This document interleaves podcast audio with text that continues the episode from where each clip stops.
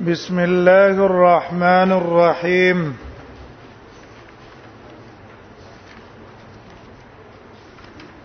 الحمد لله رب العالمين وصلى الله على محمد خاتم النبيين وعلى جميع الانبياء والمرسلين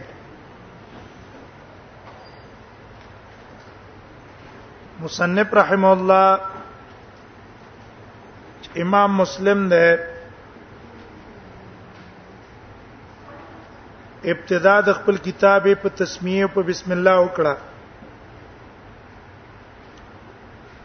او اکثر مصنفین چې څونه دي دا ټول مصنفینو ابتدا د خپل کتاب په تسمیه په بسم الله کړی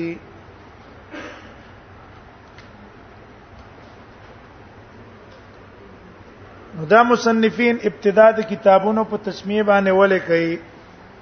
د دې وجه څه ده نو د دې لپاره علماو ډیر وجوه او اسباب بیان کړی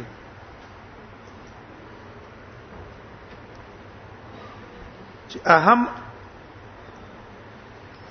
او ضروری په امور کې غدادي اولنې تاسیم به کتاب الله تعالی د دې مصنفینو او د مؤلفینو غرض څه ده اقتداء د الله په کتاب پسې د الله د کتاب ابتدا په بسم الله باندې شوه بسم الله او به رسو الحمدلله رب العالمین دیم را لګی درې د خپل کتاب ابتدا په بسم الله کړي چې د الله په کتاب پس اقتدار راشي دیوژن حافظ ابن حجر رحم الله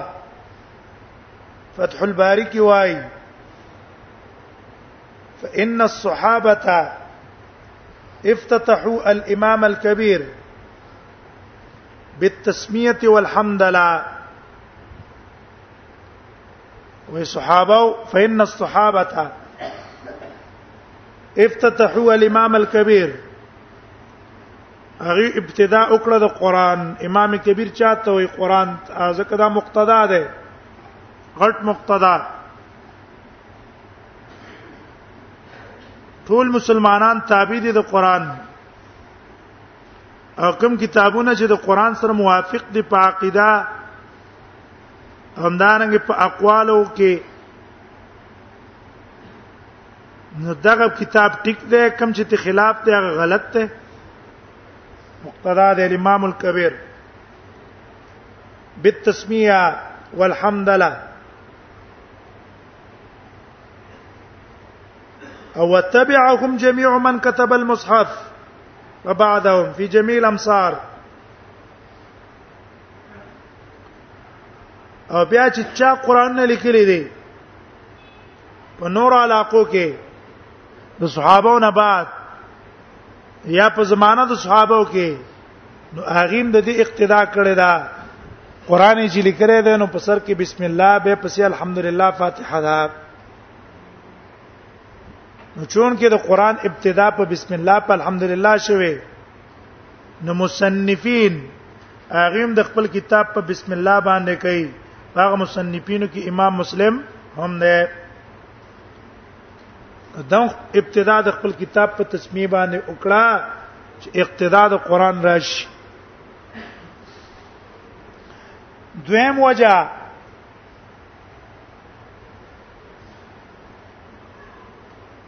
دا مصنفین د خپل کتابونو ابتدای په تسمیه باندې کړی دا او کوي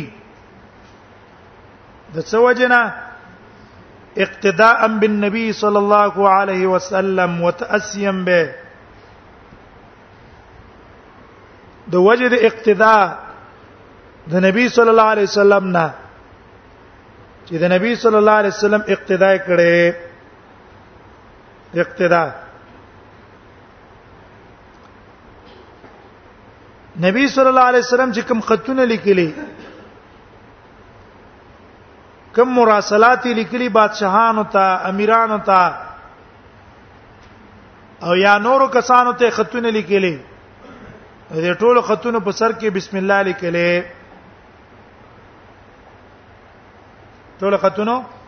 سر کې بسم الله لیکله دلیل په دې خبره باندې روایت ته د امام بخاری او روایت ته د امام مسلم چې دواړو په خپل صحیح کې راوړل من حدیث ابن عباس د عبد الله ابن عباس حدیث ته اوګد حدیث ته بخاری کې تاسو ویلای نبی صلی الله علیه وسلم هرقل ته خط لګلو نو پاکی داو چې ګوره اخد نبی سم د حیته ورکو د حیا د بصرا علاقې گورنر ته ورکو د بصرا گورنر هغه هرقل ته ورکو هرقل چې د ابو سفیان نه د خبرو معلومات وکړو سوال جواب پاغي کې بیا د دې ثم دعا بکتاب رسول الله صلی الله علیه وسلم فاذا فيه وې د نبی صلی الله علیه وسلم خط راغوښتو چې تراړه اوس دا خط وګورو فاذا فيه بسم الله الرحمن الرحيم من محمد عبد الله ورسوله الى هرقل عظيم الروم غره د خط ابتدا په څه باندې کړي په بسم الله او قران کې د سليمان عليه السلام ختم ده انه من سليمان انه بسم الله الرحمن الرحيم الله تعالى علي واتوني مسلمين غره نبی صلی الله علیه وسلم د خطونو په سر کې بسم الله لیکلا نو دې دا کتابونه د خطون نه حکم نه دي دیم د دې اقتدا د وجنا د کتابونو په سر کې بسم الله لیکي اقتداء ام بالنبي صلی الله علیه وسلم دریم باعث دریم باعث په تسمیه لیکلو په ابتدا د کتابونو کې هغه ده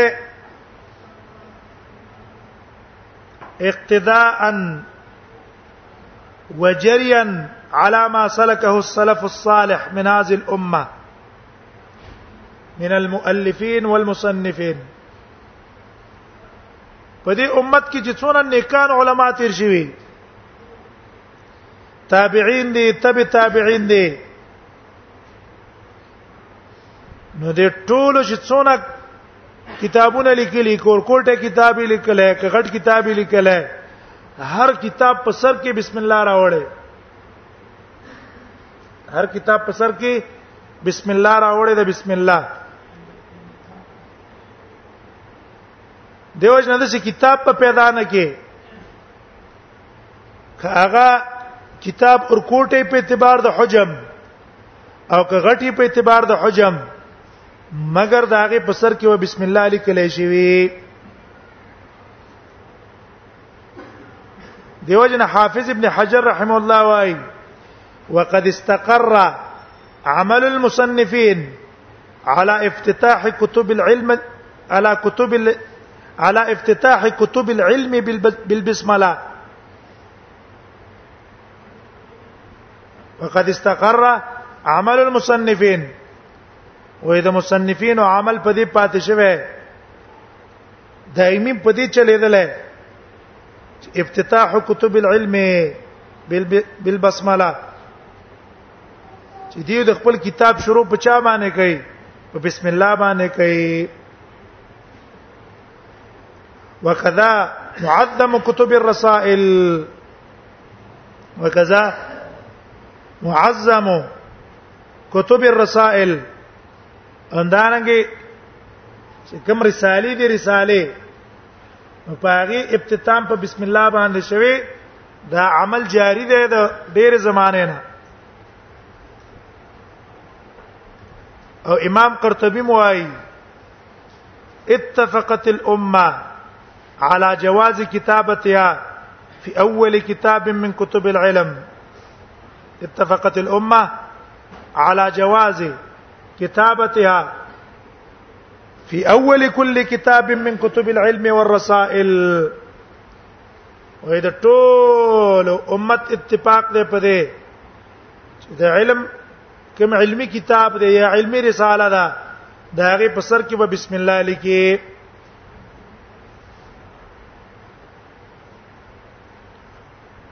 دریم امر دا څلورم باعث هغه دا ده څلورم باعث هغه دا ده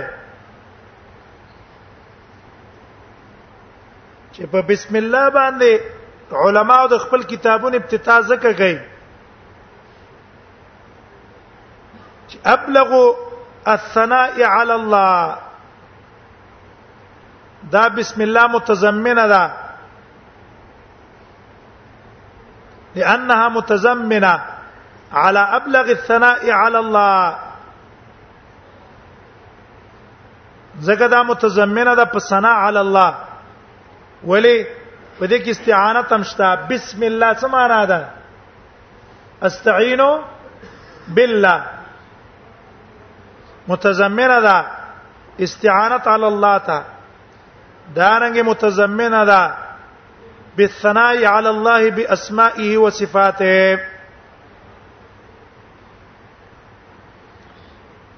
الله الرحمن الرحیم دا د الله اسماء دي کنه دي او د الله صفات دي الله خود شنوم د الله ده چې جامع ده د پاره ټول صفاتو د کمال او رحمان او رحیم دام صفات دي رحمانم صفت الله ده چې خاص ته په الله پوره نو بسم الله متضمن ده استعانت لرهم بالله او متضمن ده اسماء او او صفات د الله تعالی لرا دیو جنا څونه کارونه چي دي په دې ټولو کارونو په سر کې ویل کیږي خوراک کې بسم الله ویل کیږي سکاک کې بسم الله ویل کیږي لباس اچي بسم الله ویل کیږي او د کېږي بسم الله به بسمک ربي وضعت جنبي بسم الله به بیت الخلا تنوزي بسم الله اللهم اني اعوذ بك من الخبث والخبائث او دس کې بسم الله په ابتدا د اکثر امور کې ویل کېږي ولی دې د وجنا چې دا بسم الله متضمنه ده سنا د الله لرا على ابلغ وجه واكملها اکمل وجه سرا متضمنه د چا لرا استعانت لرا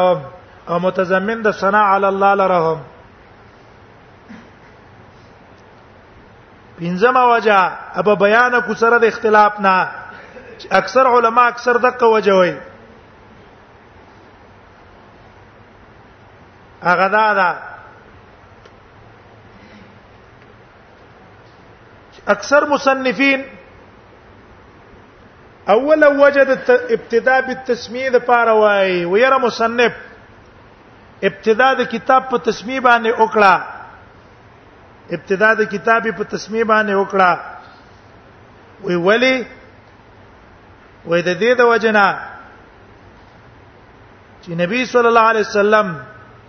ترغیب ورکړی دی ابتدا ته بالتسمیه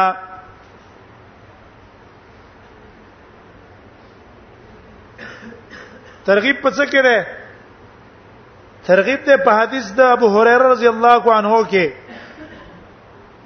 چې مرفوع روایت ده كل امر ذي بال لا يبدا فيه بسم الله الرحمن الرحيم فهو اقطع كل امر ذي بال لا يبدا فيه بسم الله الرحمن الرحيم فهو اقطع هر هغه کار چې په بسم الله الرحمن الرحیم شروع نکړی شي وې دا کار بچي اقطع لنډې بچي وي حدیث خطیب بغدادي راوړی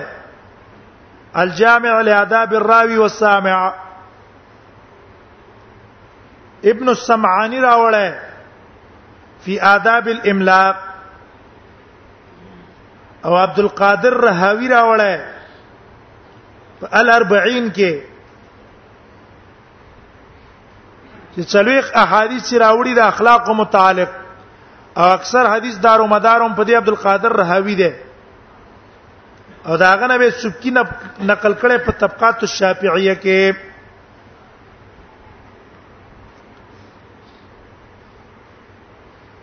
لیکن دا حدیث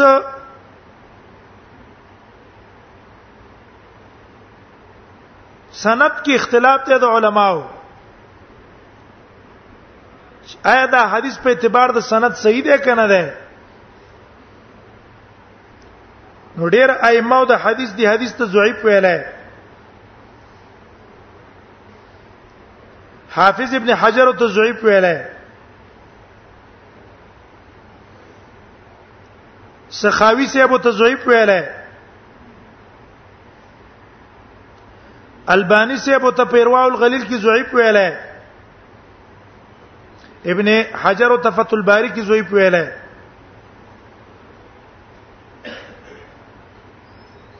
دارنګي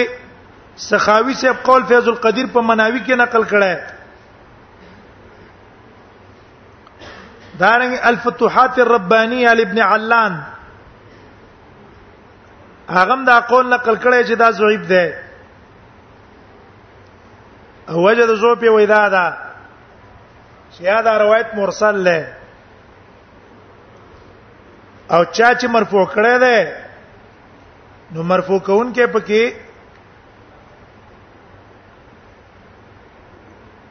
دارو مدار درفه په قره باندې ده عبدالرحمن قره ابن عبدالرحمن او هغه باندې د علماو کلام دی چې هغه زویب دی هغه زویب دی نو چې کله د رفع دارو مدار پاغه شو نو دیو جن روایت هم زویب شو لیکن د دې په مقابل کې بعض نور علما دي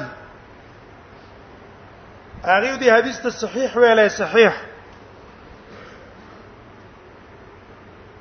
پاره کې امام نووي هم نه تاسو په دې شرع د مسلم کې او ته حسن ویلای وهذا الحديث حسن رواه ابو داود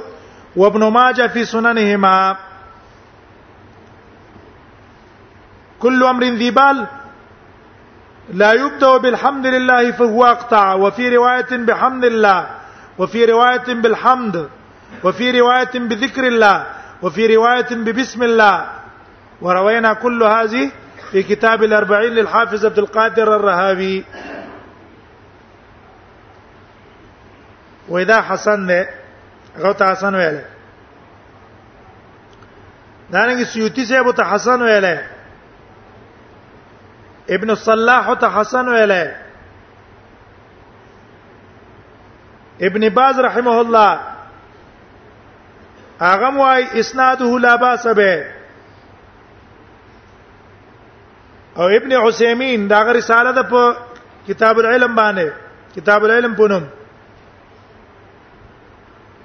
اغم پکې وای وی هاذا الحديث اختلف العلماء في صحته د دې حدیث په صحت کې د علماو اختلاف دی فمن اهل العلم من صححه واعتمد بعض علماو دې تصحیح ویل دی او واعتمد هو په دې اعتماد هم کړه دغه امام نووي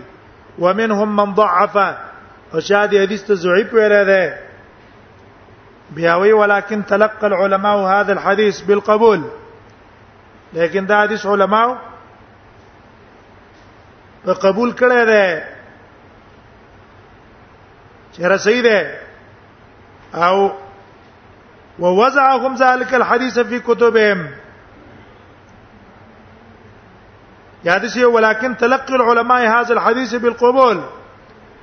وی علماء چې دا حدیث باندې عمل کړي او په خپل کتابونو کې وځ کړي يدل على ان له اصلا دا دلالت کوي په دې چې د حدیث د پاره اصل شته لہذا عمل په دې حدیث باندې څه ده جائز ده نو زد دا ول پنځم سبب شو د ابتداء د کتاب بالتسمیه وبالتحمید چې دا علما خپل کتابونه په بسم الله او په الحمدلله شروع کړي دا ولا پنځم سبب شو دا حدیث اگر کدی حدیث ته چا صحیح ویل چاته ضعیف ویل خو شتا او راجح هم دا ده چې دا دون اختلافات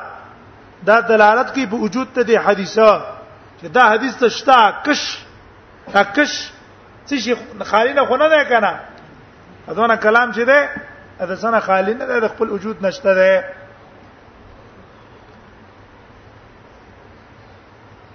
نو دیو جنا مصنف شروع کړ په بسم الله ابتدا وکړه په بسم الله نو بسم الله الرحمن الرحیم بسم الله کې به جاره ده باجار اسم مجرور جار مجرور متعلق ده یو محذوب پوره چې هغه یو فعل له نو څوک دا فعل عام راو باسي فعل عام رو باسي چې ابتدئ یا ابتدائي او څوک خاص رو باسي راجح دار چې ته مناسب وباسه بسم الله اقرأ بسم الله اكل بسم الله اشرب بسم الله ادخلوا مناسب رئیستل دا راجح دی په نسبت عام څوک مقدم رو باسي او څوک مؤخر رو باسي مؤخر رئیستل بهتر دی مؤخره رئیستل بهتر دی او فعل راستلې بهتر دی وجه دا ده من فعل لو باسو مؤخر رو باسو څو علما اسم رو باسي بسم الله قراءتي او بسم الله اكلي او بسم الله ابتدائي منګه فعل لو باسو وجدا دا اصل په افعالو کې اصل په عمل کې افعال دي اسم چې عمل کوي اعتماد به کړی کنه به کړی پښیو ستو به اعتماد کوي کنه نو اصل په عمل کې څه شی شو افعال شو اسمان شو نو چې اصل افعال شو نو دیو جن من کوم فعل لو باسو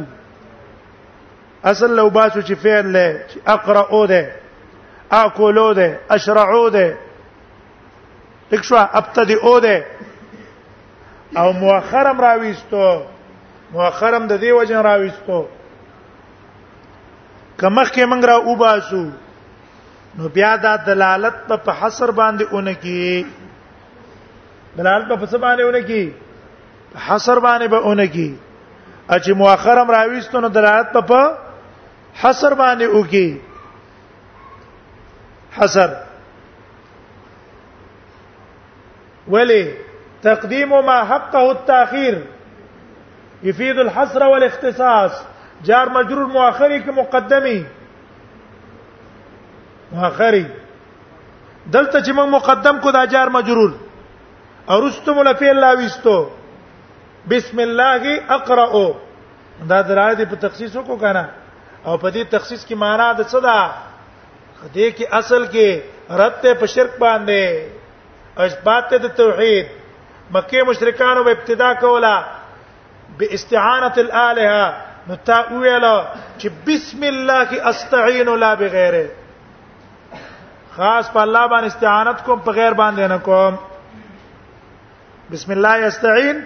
لا بغیره دیو جن مؤخر راويستا دیمه نقطه ابن قیم رحم الله وای په تاخير کې ذکر پکار دا چې ابتدا د کتاب پم زمنګ ابتدا بم پنوم د الله وشي ابتدا بم بچاو شي الله پنوم باندې وشي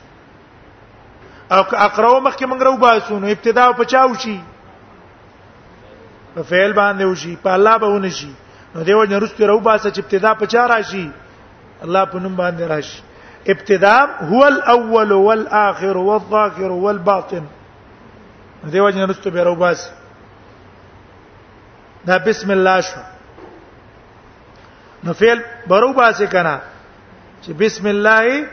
معنا بسم الله اشرع فی هذا الكتاب د دې کتاب کې زه شروع کوم ونوم د الله به لپس د الله